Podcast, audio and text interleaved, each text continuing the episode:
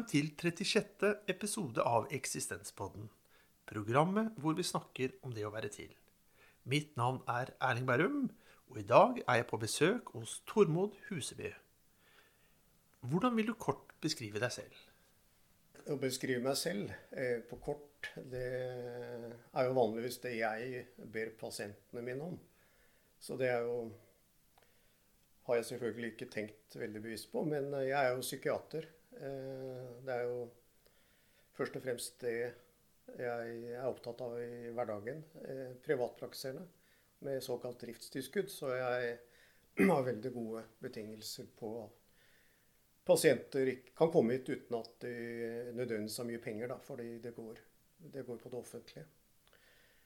Jeg jobber primært som psykoterapeut.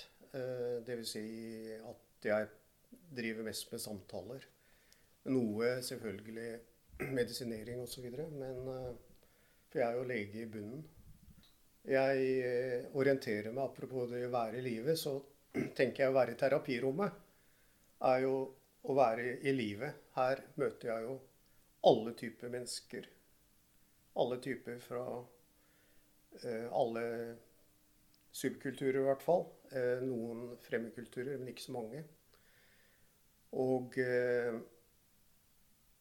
jeg lærer jo mennesker å kjenne på tvers av eh, holdt på å si det meste eh, som hindrer oss ellers å bli kjent med hverandre. Da. Så for å si det med ditt eh, altså tema eh, Jeg opplever jo daglig hvordan andre har det i livet sitt. da. Hvordan det er å være i livet for andre. Selv eh, er jeg eh, som er mest opptatt av for tiden, det er å skrive en ny bok. Jeg har jo skrevet en bok, 'Alene naken', som handler om eh, undertittel 'Hvorfor er vi redd for å være oss selv'? Og den fanger jo veldig mye opp da, av ensomhet, skam og avvisningsfølelse, da, som er det sentrale temaet. Og basert på en del pasienthistorier.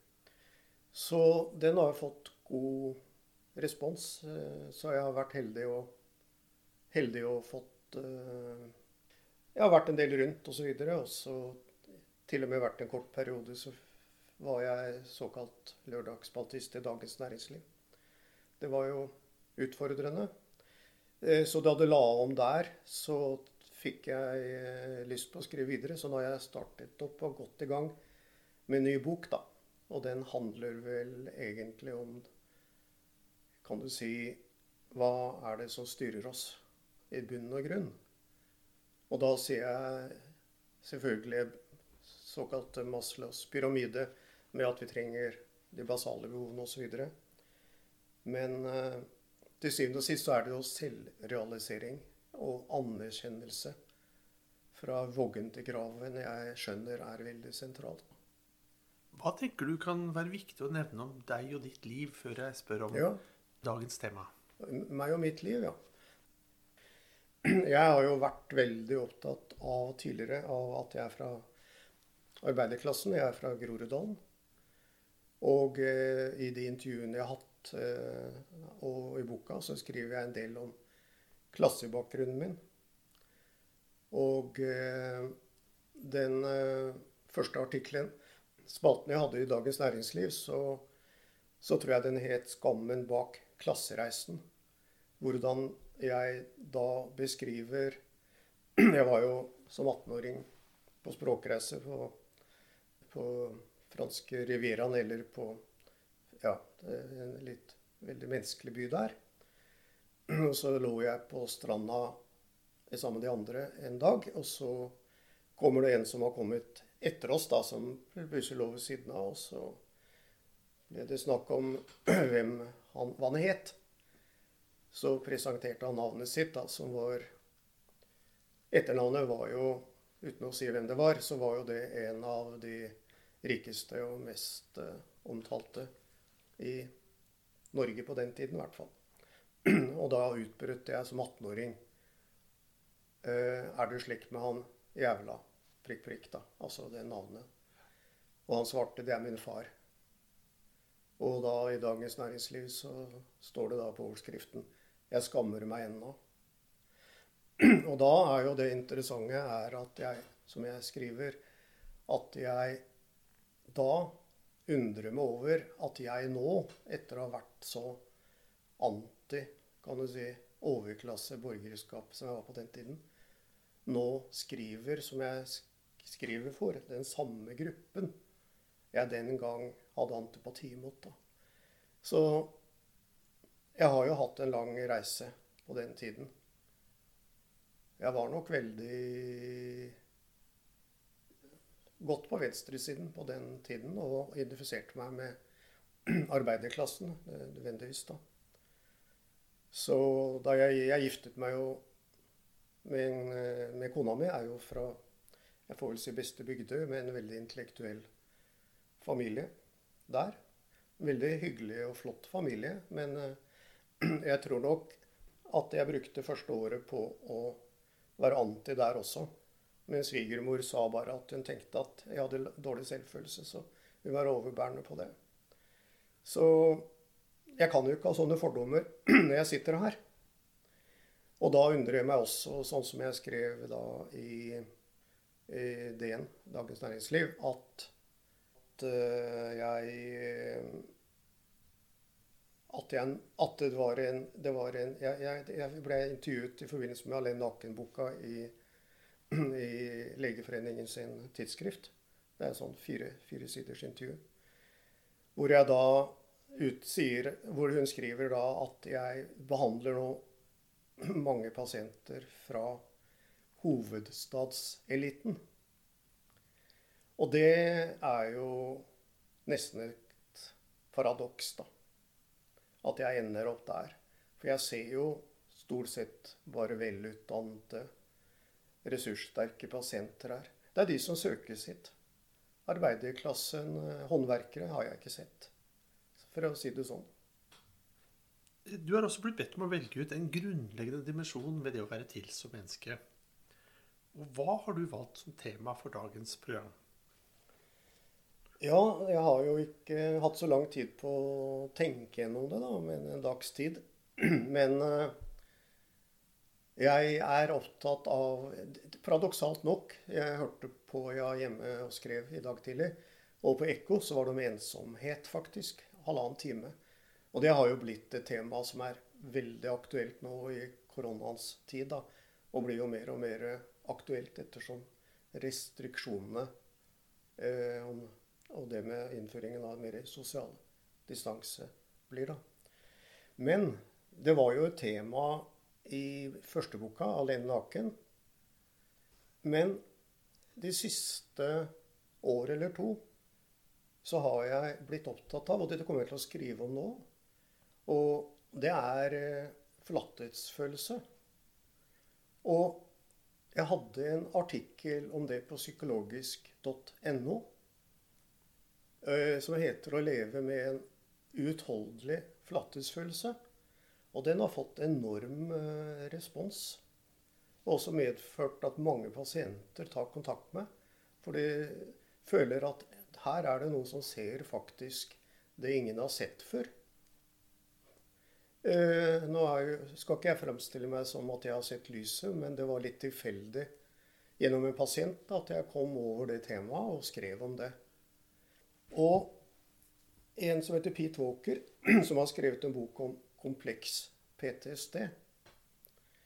Hvor det er ikke vanlig posttraumatisk stresslidelse, men en kompleks PTSD som er en ny diagnose. Og Pete Walker har skrevet en veldig fin bok om det. Han har selv hatt den diagnosen. Og han legger til en underliggende Altså en subgruppe som han kaller kompleks PTSD med forlattelsesfølelse. Og så sier han hvis vi ser på amerikanernes diagnosesystem, den er tykk som en liten manual. Hvis man virkelig tok inn over seg den diagnosen, så ville diagnosesystemet skrumpe til en tynn pamflett, sier han. Og det var veldig tankevekkende, og jeg ser det at veldig mange pasienter her har grader av flatthetsfølelse. Altså det er dypere en, eh, en ensomhet. Så jeg beveger meg, kan du si, mer mot det. Og i den nye boka så blir det vel, etter planen, så blir det ti pasienthistorier. Hvor jeg beskriver hvordan de i oppveksten ikke har blitt anerkjent som seg selv. Så anerkjennelse og mangel på det eh, er et veldig sentralt tema for meg nå. Og én ting er å ikke bli anerkjent ut fra den man er. Altså bli vitnet og tatt imot som man er i oppveksten.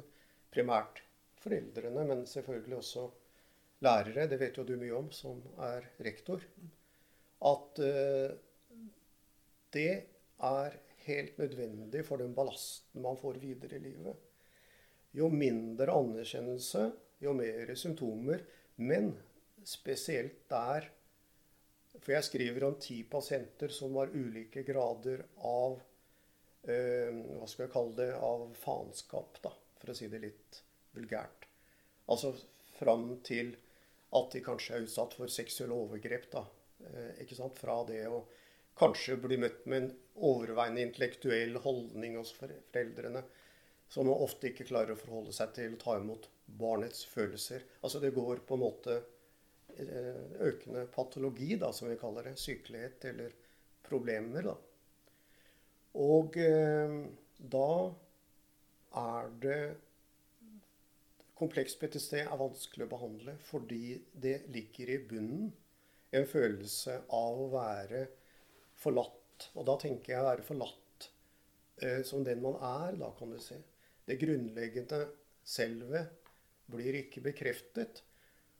Og veldig vanlig av pasienter som jeg møter her, men det er som jeg sa, ofte, ofte oppegående pasienter, så er det hvis man ikke blir bekreftet, eller for å si det slik, ikke får uttrykt seg som seg selv i oppveksten, altså ikke får uttrykt seg som seg selv, ble møtt, validert som den man er, hva skjer da med pasientene?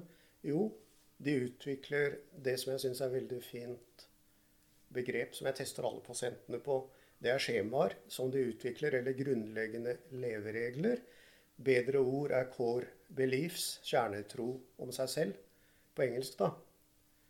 Og de to grunnleggende levereglene som er hyppigst, det er mange av dem, eh, det er, som går igjen her, det er at pasientene får i stor grad bli people-pleasere. De blir, eh, under, eh, de blir underdanige som ofte er basert på frykt, eller de blir selvoppofrende, som oftere er basert på skyldfølelse. De, den er veldig vanlig. Men den er ofte veldig kombinert med såkalte ufravikelige standarder. Altså pasientene ikke, Disse pasientene har ofte ikke magemål, som jeg sier, for hvor flinke, snille, søte, morsomme de skal være. De det er eh, stadig Uansett hvor langt de har kommet i livet, så har de den ufravikelige normen, standarden, da, for, for hvor flinke de skal være. Og det er den indre kritikeren. Og den er ofte basert på oppveksten hvis man har såkalt kompleks PTSD, da, eller kan du si symptomer fra det. Så er det enten-eller-tankegang. Enten så er man flink, eller så er man ikke flink. Og så er det den indre kritikeren, som jeg sa. En ubønnhørlig kritiker som sitter inni en. Som er som en liten djevel som overtar all fornuft.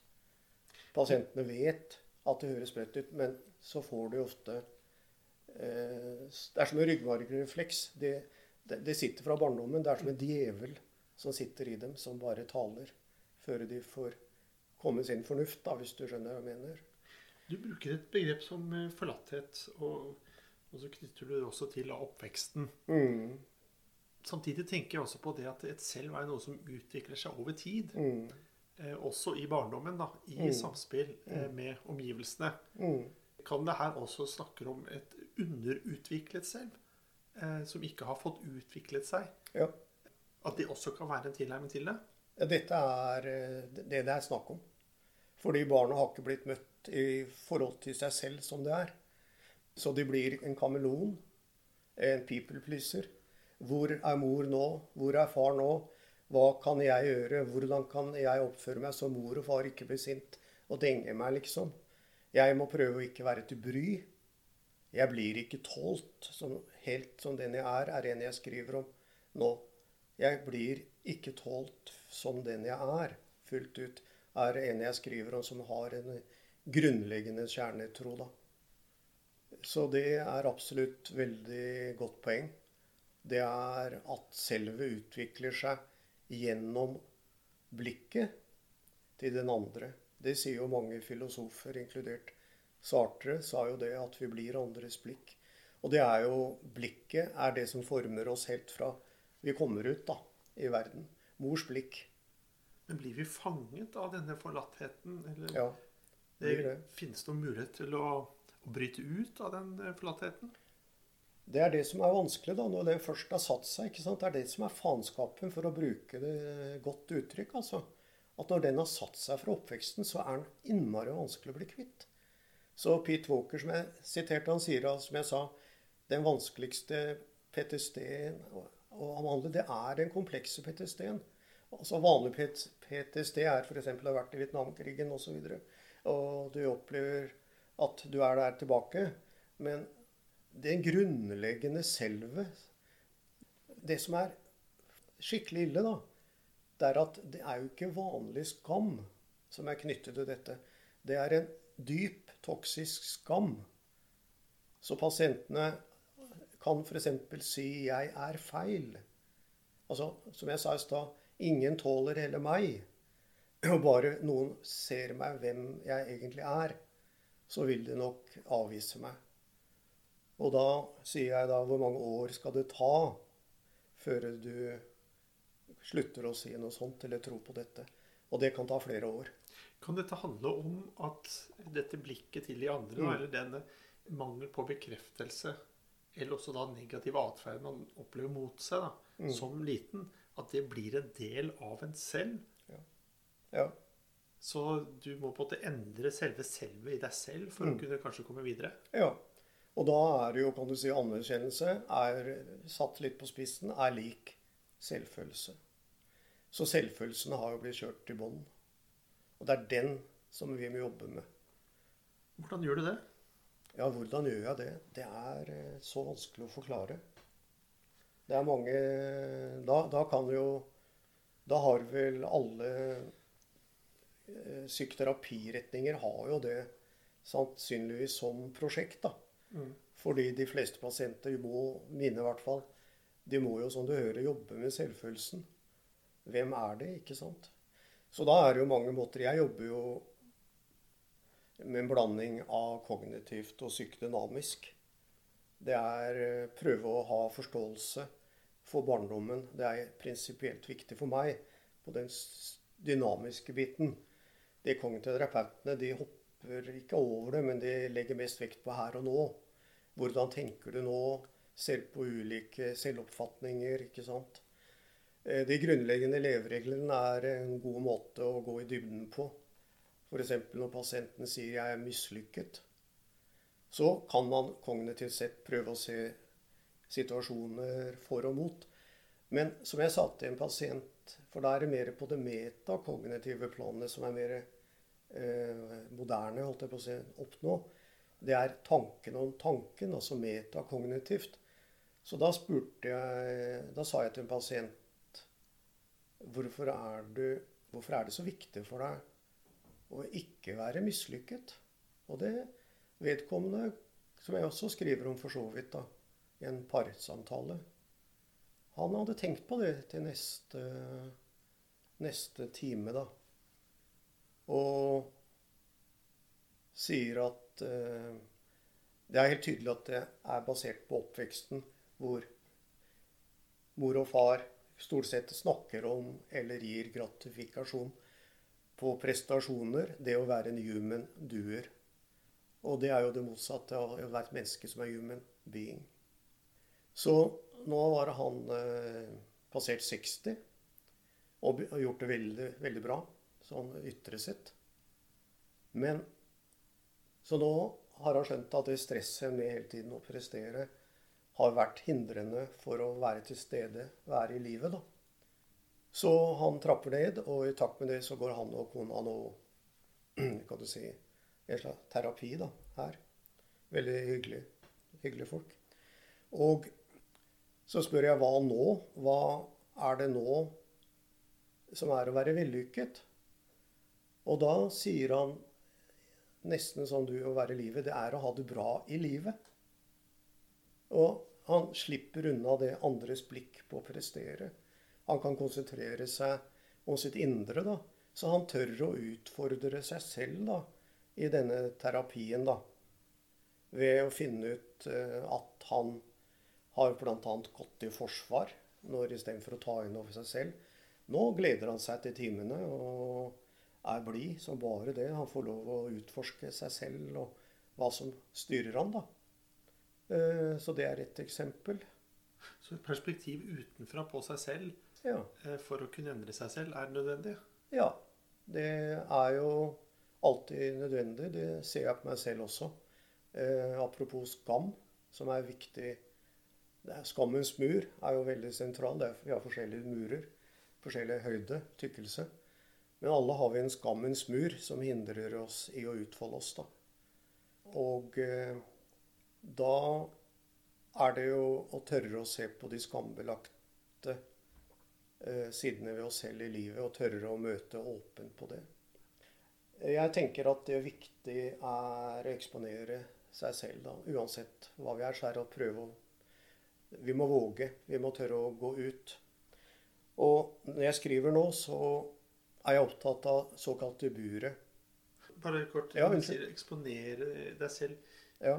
Tenker du da på den delen av deg selv som du kanskje forbinder, forbinder med skam? Da? Eller den delen av deg selv som du kanskje har undertrykt? Eller den delen av deg selv som du ikke har fått anerkjent, og du må eksponere den? F.eks. For fordi under den såkalte kompleks PTSD-en så skjuler det seg ofte sosial angst som diagnose. Men ofte så Jeg, jeg, jeg har etter hvert skjønt at det er skam, og, og, og kan du si dyp skam, som ligger bak det. ikke sant? Og det velkjente ved sosial angst, det å tørre å komme ut i livet istedenfor å uh, unnvike, det er å eksponere det man er redd for. Det er jo et velkjent uh, prinsipp. da.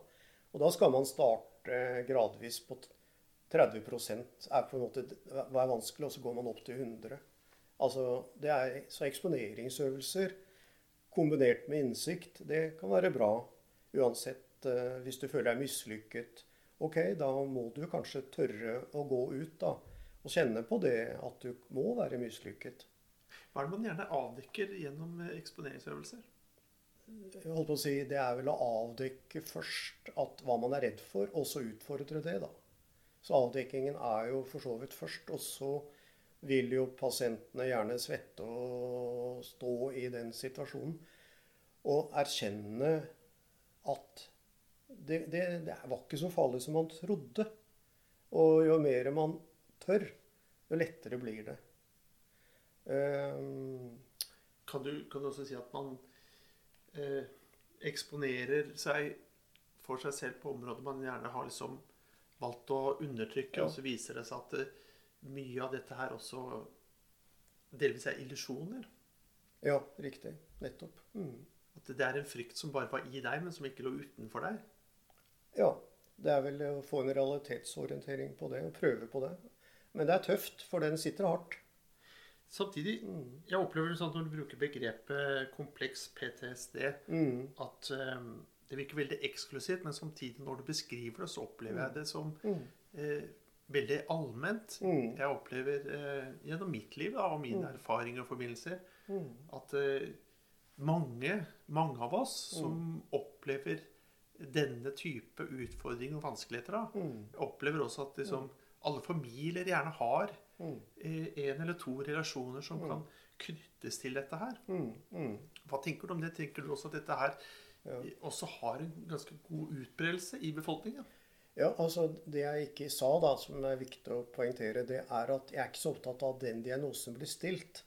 Fordi jeg tenker den diagnosen som en kontinuum. Så jeg har en god del spørsmål fra det som jeg ber pasientene fylle ut. Og så er det veldig varierende hvor mange høye skåringer de har på det.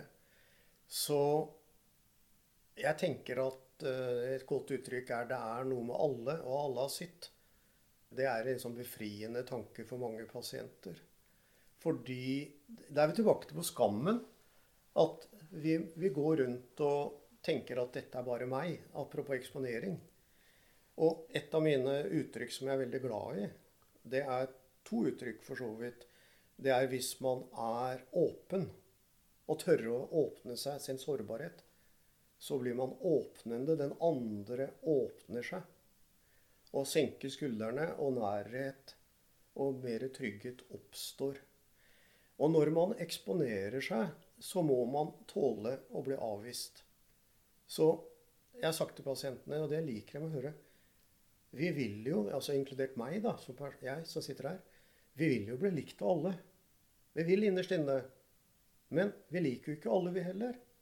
Og den erkjennelsen og den påminnelsen, den er viktig.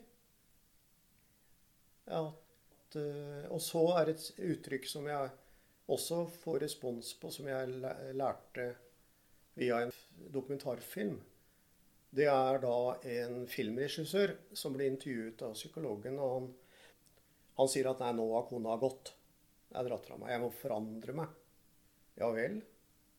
Eh, må du forandre deg i forhold til barnebarnet òg, da? Nei, nei, nei. nei. nei. Men da syns jeg du skal gå dit for kjærligheten er. Altså, vi må tåle avvisningen hvis vi skal komme fram med vårt eget selv, da.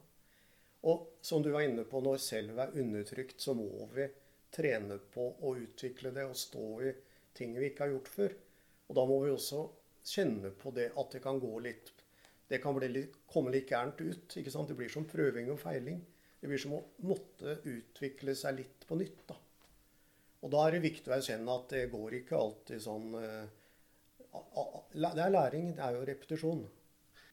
Man tenker jo gjerne, eller jeg da, mm. Eh, tenker at eh, dersom jeg skulle liksom få fram la oss si, en undertrykt del av meg selv, at det vil være noe bra og fint. Mm. Men er det alltid nødvendig? Kan det hende at jeg har mistet meg selv gjennom årenes gang? Og kan det hende at jeg kan bli overrasket over sider av meg selv når jeg skal mm. liksom utvikle meg selv mer, eller mitt selv mer, ja. og kanskje mm. få fram sider som jeg tidligere ikke turt å eksponere. At det mm. avdekker sider mm. som jeg ikke var kjent med med meg selv. Det kan være skremmende for noen, selvfølgelig. Og så eh, er det jo sagt at en av grunnene til at vi ikke tør å forandre oss, det er at vi må erkjenne at vi har tatt feil hele livet, og så fortsetter vi, da. Istedenfor å kjenne på det. Men det er klart, vi har jo når det gjelder barn og oppdragelse, så er det jo viktig å møte barnet med anerkjennelse. Dvs. Si å sette, lytte til det og tolke følelsene. Ikke tolke det, men møte følelsene.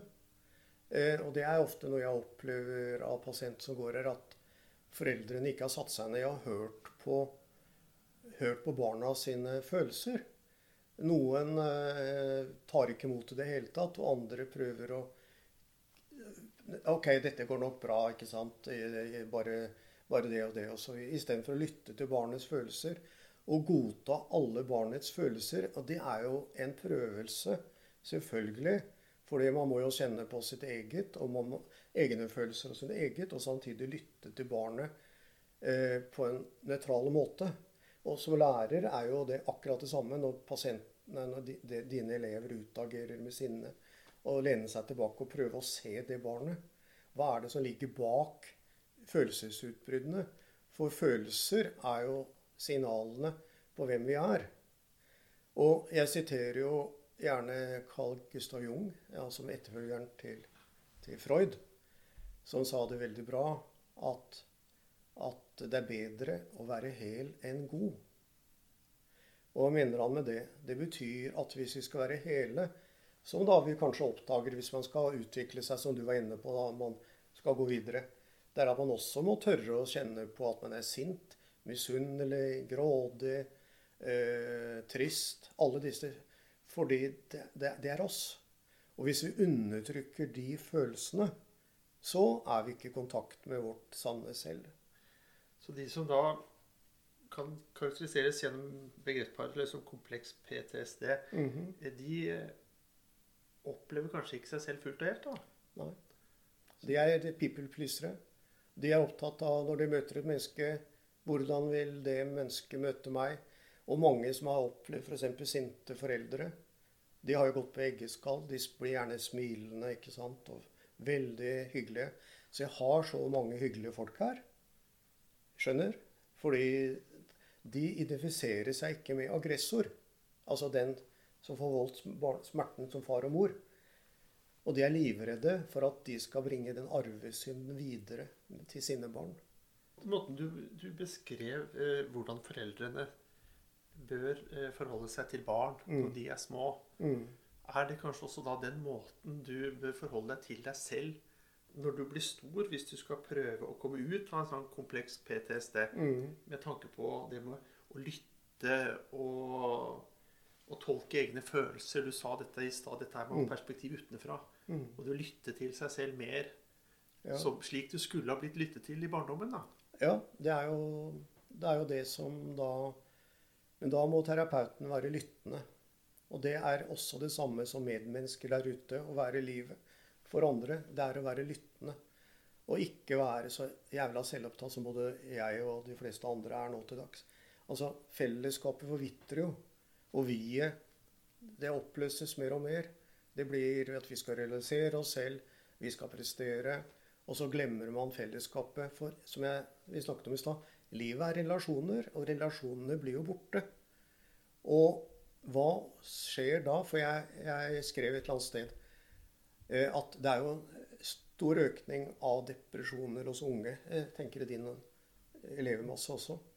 Og så, så tenker jeg er det ikke egentlig en tomhetsdepresjon? Fordi vi utsettes jo for så mye tomhet rundt oss. Intetsigende TV. Også oppmerksomhets... Eh, hva heter det? Oppmerksomhetsøkonomien. Som da ser på på YouTube og, eller Facebook og Altså hvordan de skal fange oss, det vet vi jo nå. Hvordan de skal legge inn algoritmer etc. For at vi skal bli fanget. For at disse igjen skal tjene penger på oss. Er det noe jeg virkelig F.eks. nå abonnerer jeg til dels flere aviser, men VG pluss på, på nettet.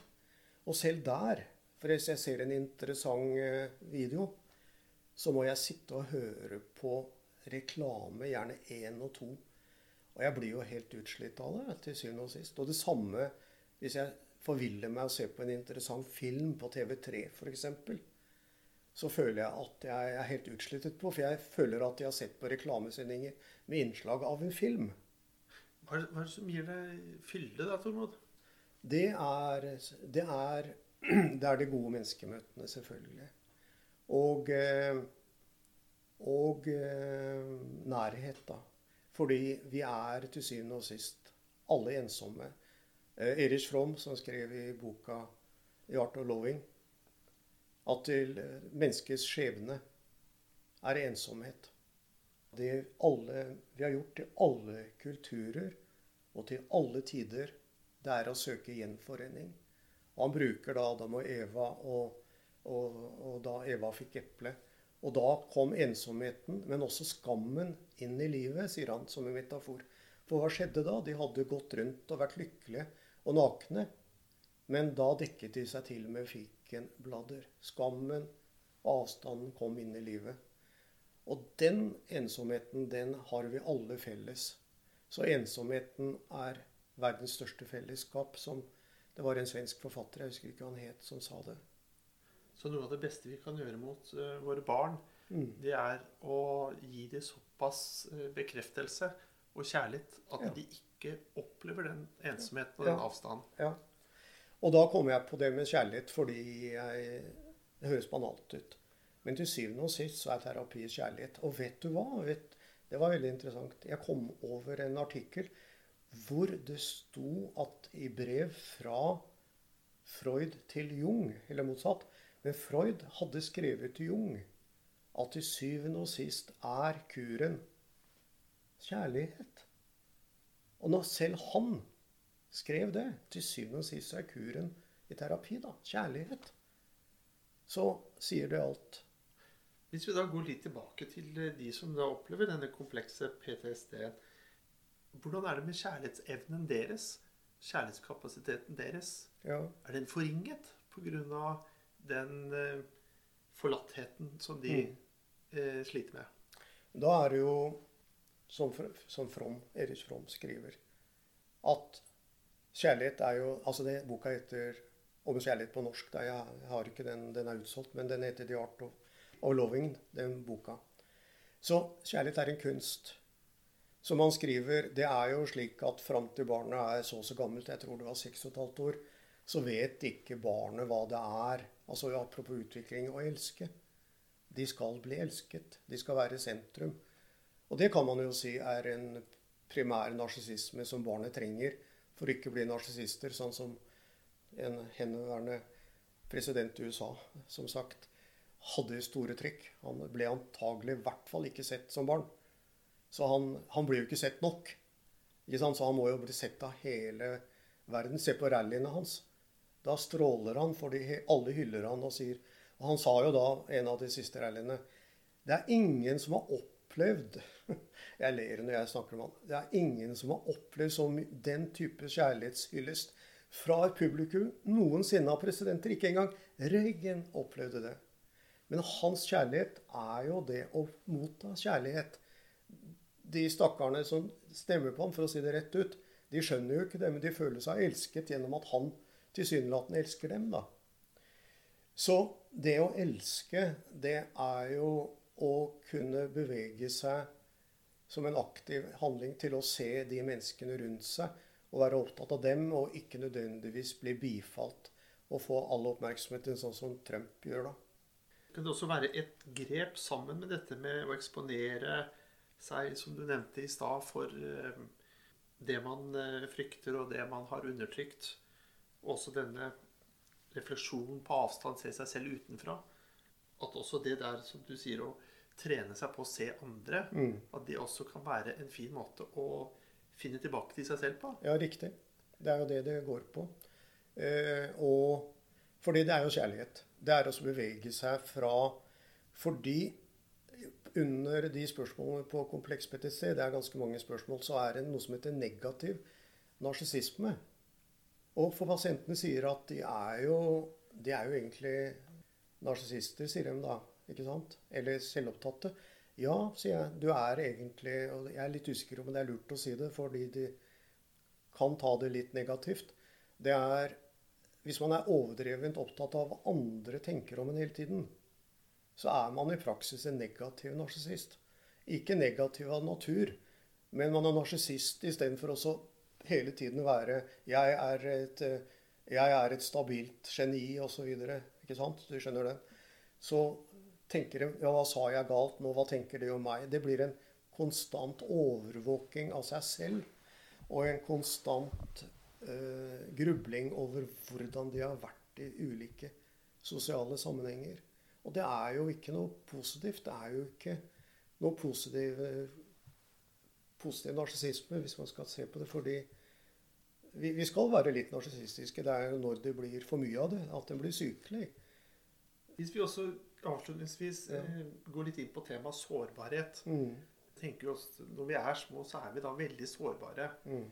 Eh, og denne opplevelsen av forlatthet Er det veldig mye som skal til, eller er det lite som skal til? Kan det være kritiske øyeblikk i et barns liv som bidrar til det, eller er det noe med lang tid? Fordi jeg opplever kanskje at de fleste har noen opplevelser fra barndommen som har satt noen spor. Ja, definitivt. Altså, da, igjen så tenker jeg at det er en eh, altså denne diagnosen Det kan være at Si på disse spørsmålene, siden det er 50 spørsmål, så scorer noen, noen få og andre masse. Og det er veldig ofte relatert til i hvilken grad du ble bekreftet, validert, da, anerkjent. Fordi vi anerkjenner jo ikke barna våre hele tiden. Men det er eh, interessant å se på Winnicott, et veldig kjent utsagn, som heter 'good enough mothering'. Og som jeg har skrevet, så for å holde Hvis vi kan si unnskyld til barna, og hvis vi kan formidle at vi er glad i dem Fordi de må jo tåle at foreldrene også gjør feil. Ellers så får de jo ikke noen mentale muskler. Det, det går jo ikke. De må jo bryne seg litt også, men da må vi være i dialog. Og si unnskyld, ja, nå gjorde jeg det. Nå var det sånn. Og være åpen på det. For ellers så ja, altså For å si det slik, hvis du skal få muskler, så må du ha motstand. Hvis du skal f.eks. manualer. Samme blir det jo på psyken. Den utvikler seg ikke uten motstand. Men hvis motstanden blir for sterk, da ryker jo musklene til og med. Ikke sant? Da, det er noe, noe med det. Så det er balansen der. Vi er nå på slutten av dagens samtale, så lurer jeg på om du har noen tips eller råd til lytterne. Da har du gitt mange gode råd underveis, men har du noen helt på slutten som du gjerne vil dele med lytterne? For å si det slik, det er jo det jeg, det jo det jeg skal skrive om nå. Det er det såkalte livs-life trap, altså buret, som jeg kaller det. Vi havner i buret, dvs. Si at vi ikke får realisert oss eh, selv. Ikke sant? Fordi vi pga. barndommen, pga. samfunnsutviklingen som vi har vært innom så vidt, osv., så, videre, så havner vi jo i buret, som jeg sier. Det er noe jeg kommer til å skrive om. ikke sant? Life trapped, livsfella, da. Så hvordan kommer vi ut av den? For vi er alle mer eller mindre i en livsfelle, tror jeg. ikke sant? Hvordan realiserer vi oss selv? så vi får det bedre med det korte livet vi har. Og da er det jo første budet det er å erkjenne hvor vi er, og tørre å se hvor vi er. Tørre å gjøre noe med det. Så jeg elsker, elsker det gjør jeg ikke, men jeg er opptatt av Nietzsche sine ord. Ethvert resultat. Det pugget jeg for øvrig på videregående for å få gode karakterer fra komme men det sitter enda for å imponere lærerne. Du er jo lærer. Men det sitter fremdeles. Og det er ethvert resultat, sa Nietzsche, i erkjennelse. Det følger av motet. Av hardheten mot den selv, og av rensligheten, altså ærligheten mot den selv. For å komme ut av det som ikke er bra i livet vårt, så må vi tørre å se det i øynene. Vi må erkjenne at vi har tatt feil hele livet. Vi må se på om vi tør å gjøre noe med det. Som professor Bråten, som var her en periode, sa han hadde jobbet med studenter. Han sa det er så takknemlig å jobbe med studenter, for de er, de er så tidlig i livet. De er ikke fanget han sa ikke de ordene, de er ikke fanget av ekteskap, partner, økonomi etc. De kan se fritt på livet sitt. Og Jo mer vi bindes opp til å få barn og stort huslån etc., da skal det mye til for å tørre fullt ut og se om vi er i fella. da. Jeg syns jo det er veldig positivt at uh, du viser til mulige utveier. da. Mm, mm. Fordi det er et begrep jeg personlig ikke er så spesielt glad i. Det er den jeg er den jeg er. Mm. Jeg er så ekstremt statisk. Uh, ja. Mens jeg liker mer Du viste til Nietzsche. Nietzsche sier også liksom at vi blir den vi er. Ja, riktig. Det er mye mer dynamisk og ja. gir mer muligheter, da. Og selv en identitet er jo ganske fast og den dannes jo i relasjoner f.eks. til mor og far. Men livet går videre. Så identitet er ikke statisk. Det er noe som utvikler seg gjennom hele livet. Det får meg også litt til å tenke på Herman Hesse. Boken hans eh, 'Siddharta'. Mm. Du forstår ikke livet før du på en måte har levd det gjennom alle aldre. Da. Hver alder er liksom et blikk, et perspektiv inn på livet. Ja, ikke sant. Og sånn er det kanskje litt i forhold til identitet òg, da. Riktig. Det har liksom ulike dimensjoner i ulike tider av livet. Absolutt. Har du noen visdomsord du gjerne vil dele? som Du, du har jo vist til mange allerede, men er det et visdomsord som alltid har stått veldig klart for deg, eller som du har latt deg inspirere av, som du gjerne vil også dele videre med lytterne? Eh, jeg pleier å si til eh, pasientene, for det er mange pasienter som tenker at de er så vellykket. da. Men det fins jo ikke vellykkede mennesker, egentlig. Alle har sitt. Men eh, så sier jeg det at der jeg er nå, alt jeg har vært gjennom fra oppveksten osv., inkludert sosiale relasjoner, det å komme inn på medisinstudiet, det å klare det, det å bli psykiater og skrive bok Jeg har ikke den begavelsen fullt ut, eller intelligensen eller noe sånt, som har gjort at det har vært en lett vei. Altså, det har jo ikke vært veldig, veldig vanskelig, men som jeg sier jeg, jeg bruker gjerne lang tid på å komme til målet. Men jeg tenker at eh, Altså, navnet mitt Tormod betyr jo mot, faktisk. Så jeg tenker at, at, at jeg har stått på og ikke gitt meg, så har jeg alltid kommet til målet. Det er på en måte det Oi, ja, det liker pasienten å høre. At du må stå på. Det er dette med nidskjeen, da. Du må ha mot. Og du må stå på, hardhet, og du må være ærlig. Og tørre. Risikere å være den man er, og stå fram som den man er på ulike måter. Altså, hvis man er, prøver å være litt overfladisk, så kan man Eller litt morsom, så kan man eh, kanskje bli redsel for at andre dømmer en for at man er overfladisk, f.eks. Eller dum, hvis man sier noe dumt, etc. Man må risikere hele veien for å være, altså være i seg selv og tørre å være det, da. Da takker jeg deg for samtalen. Ja, bare hyggelig. I like måte. Takk også til deg som lytter for å ha fulgt oss denne gang. Vi høres igjen, og inntil da ha det bedre enn bra.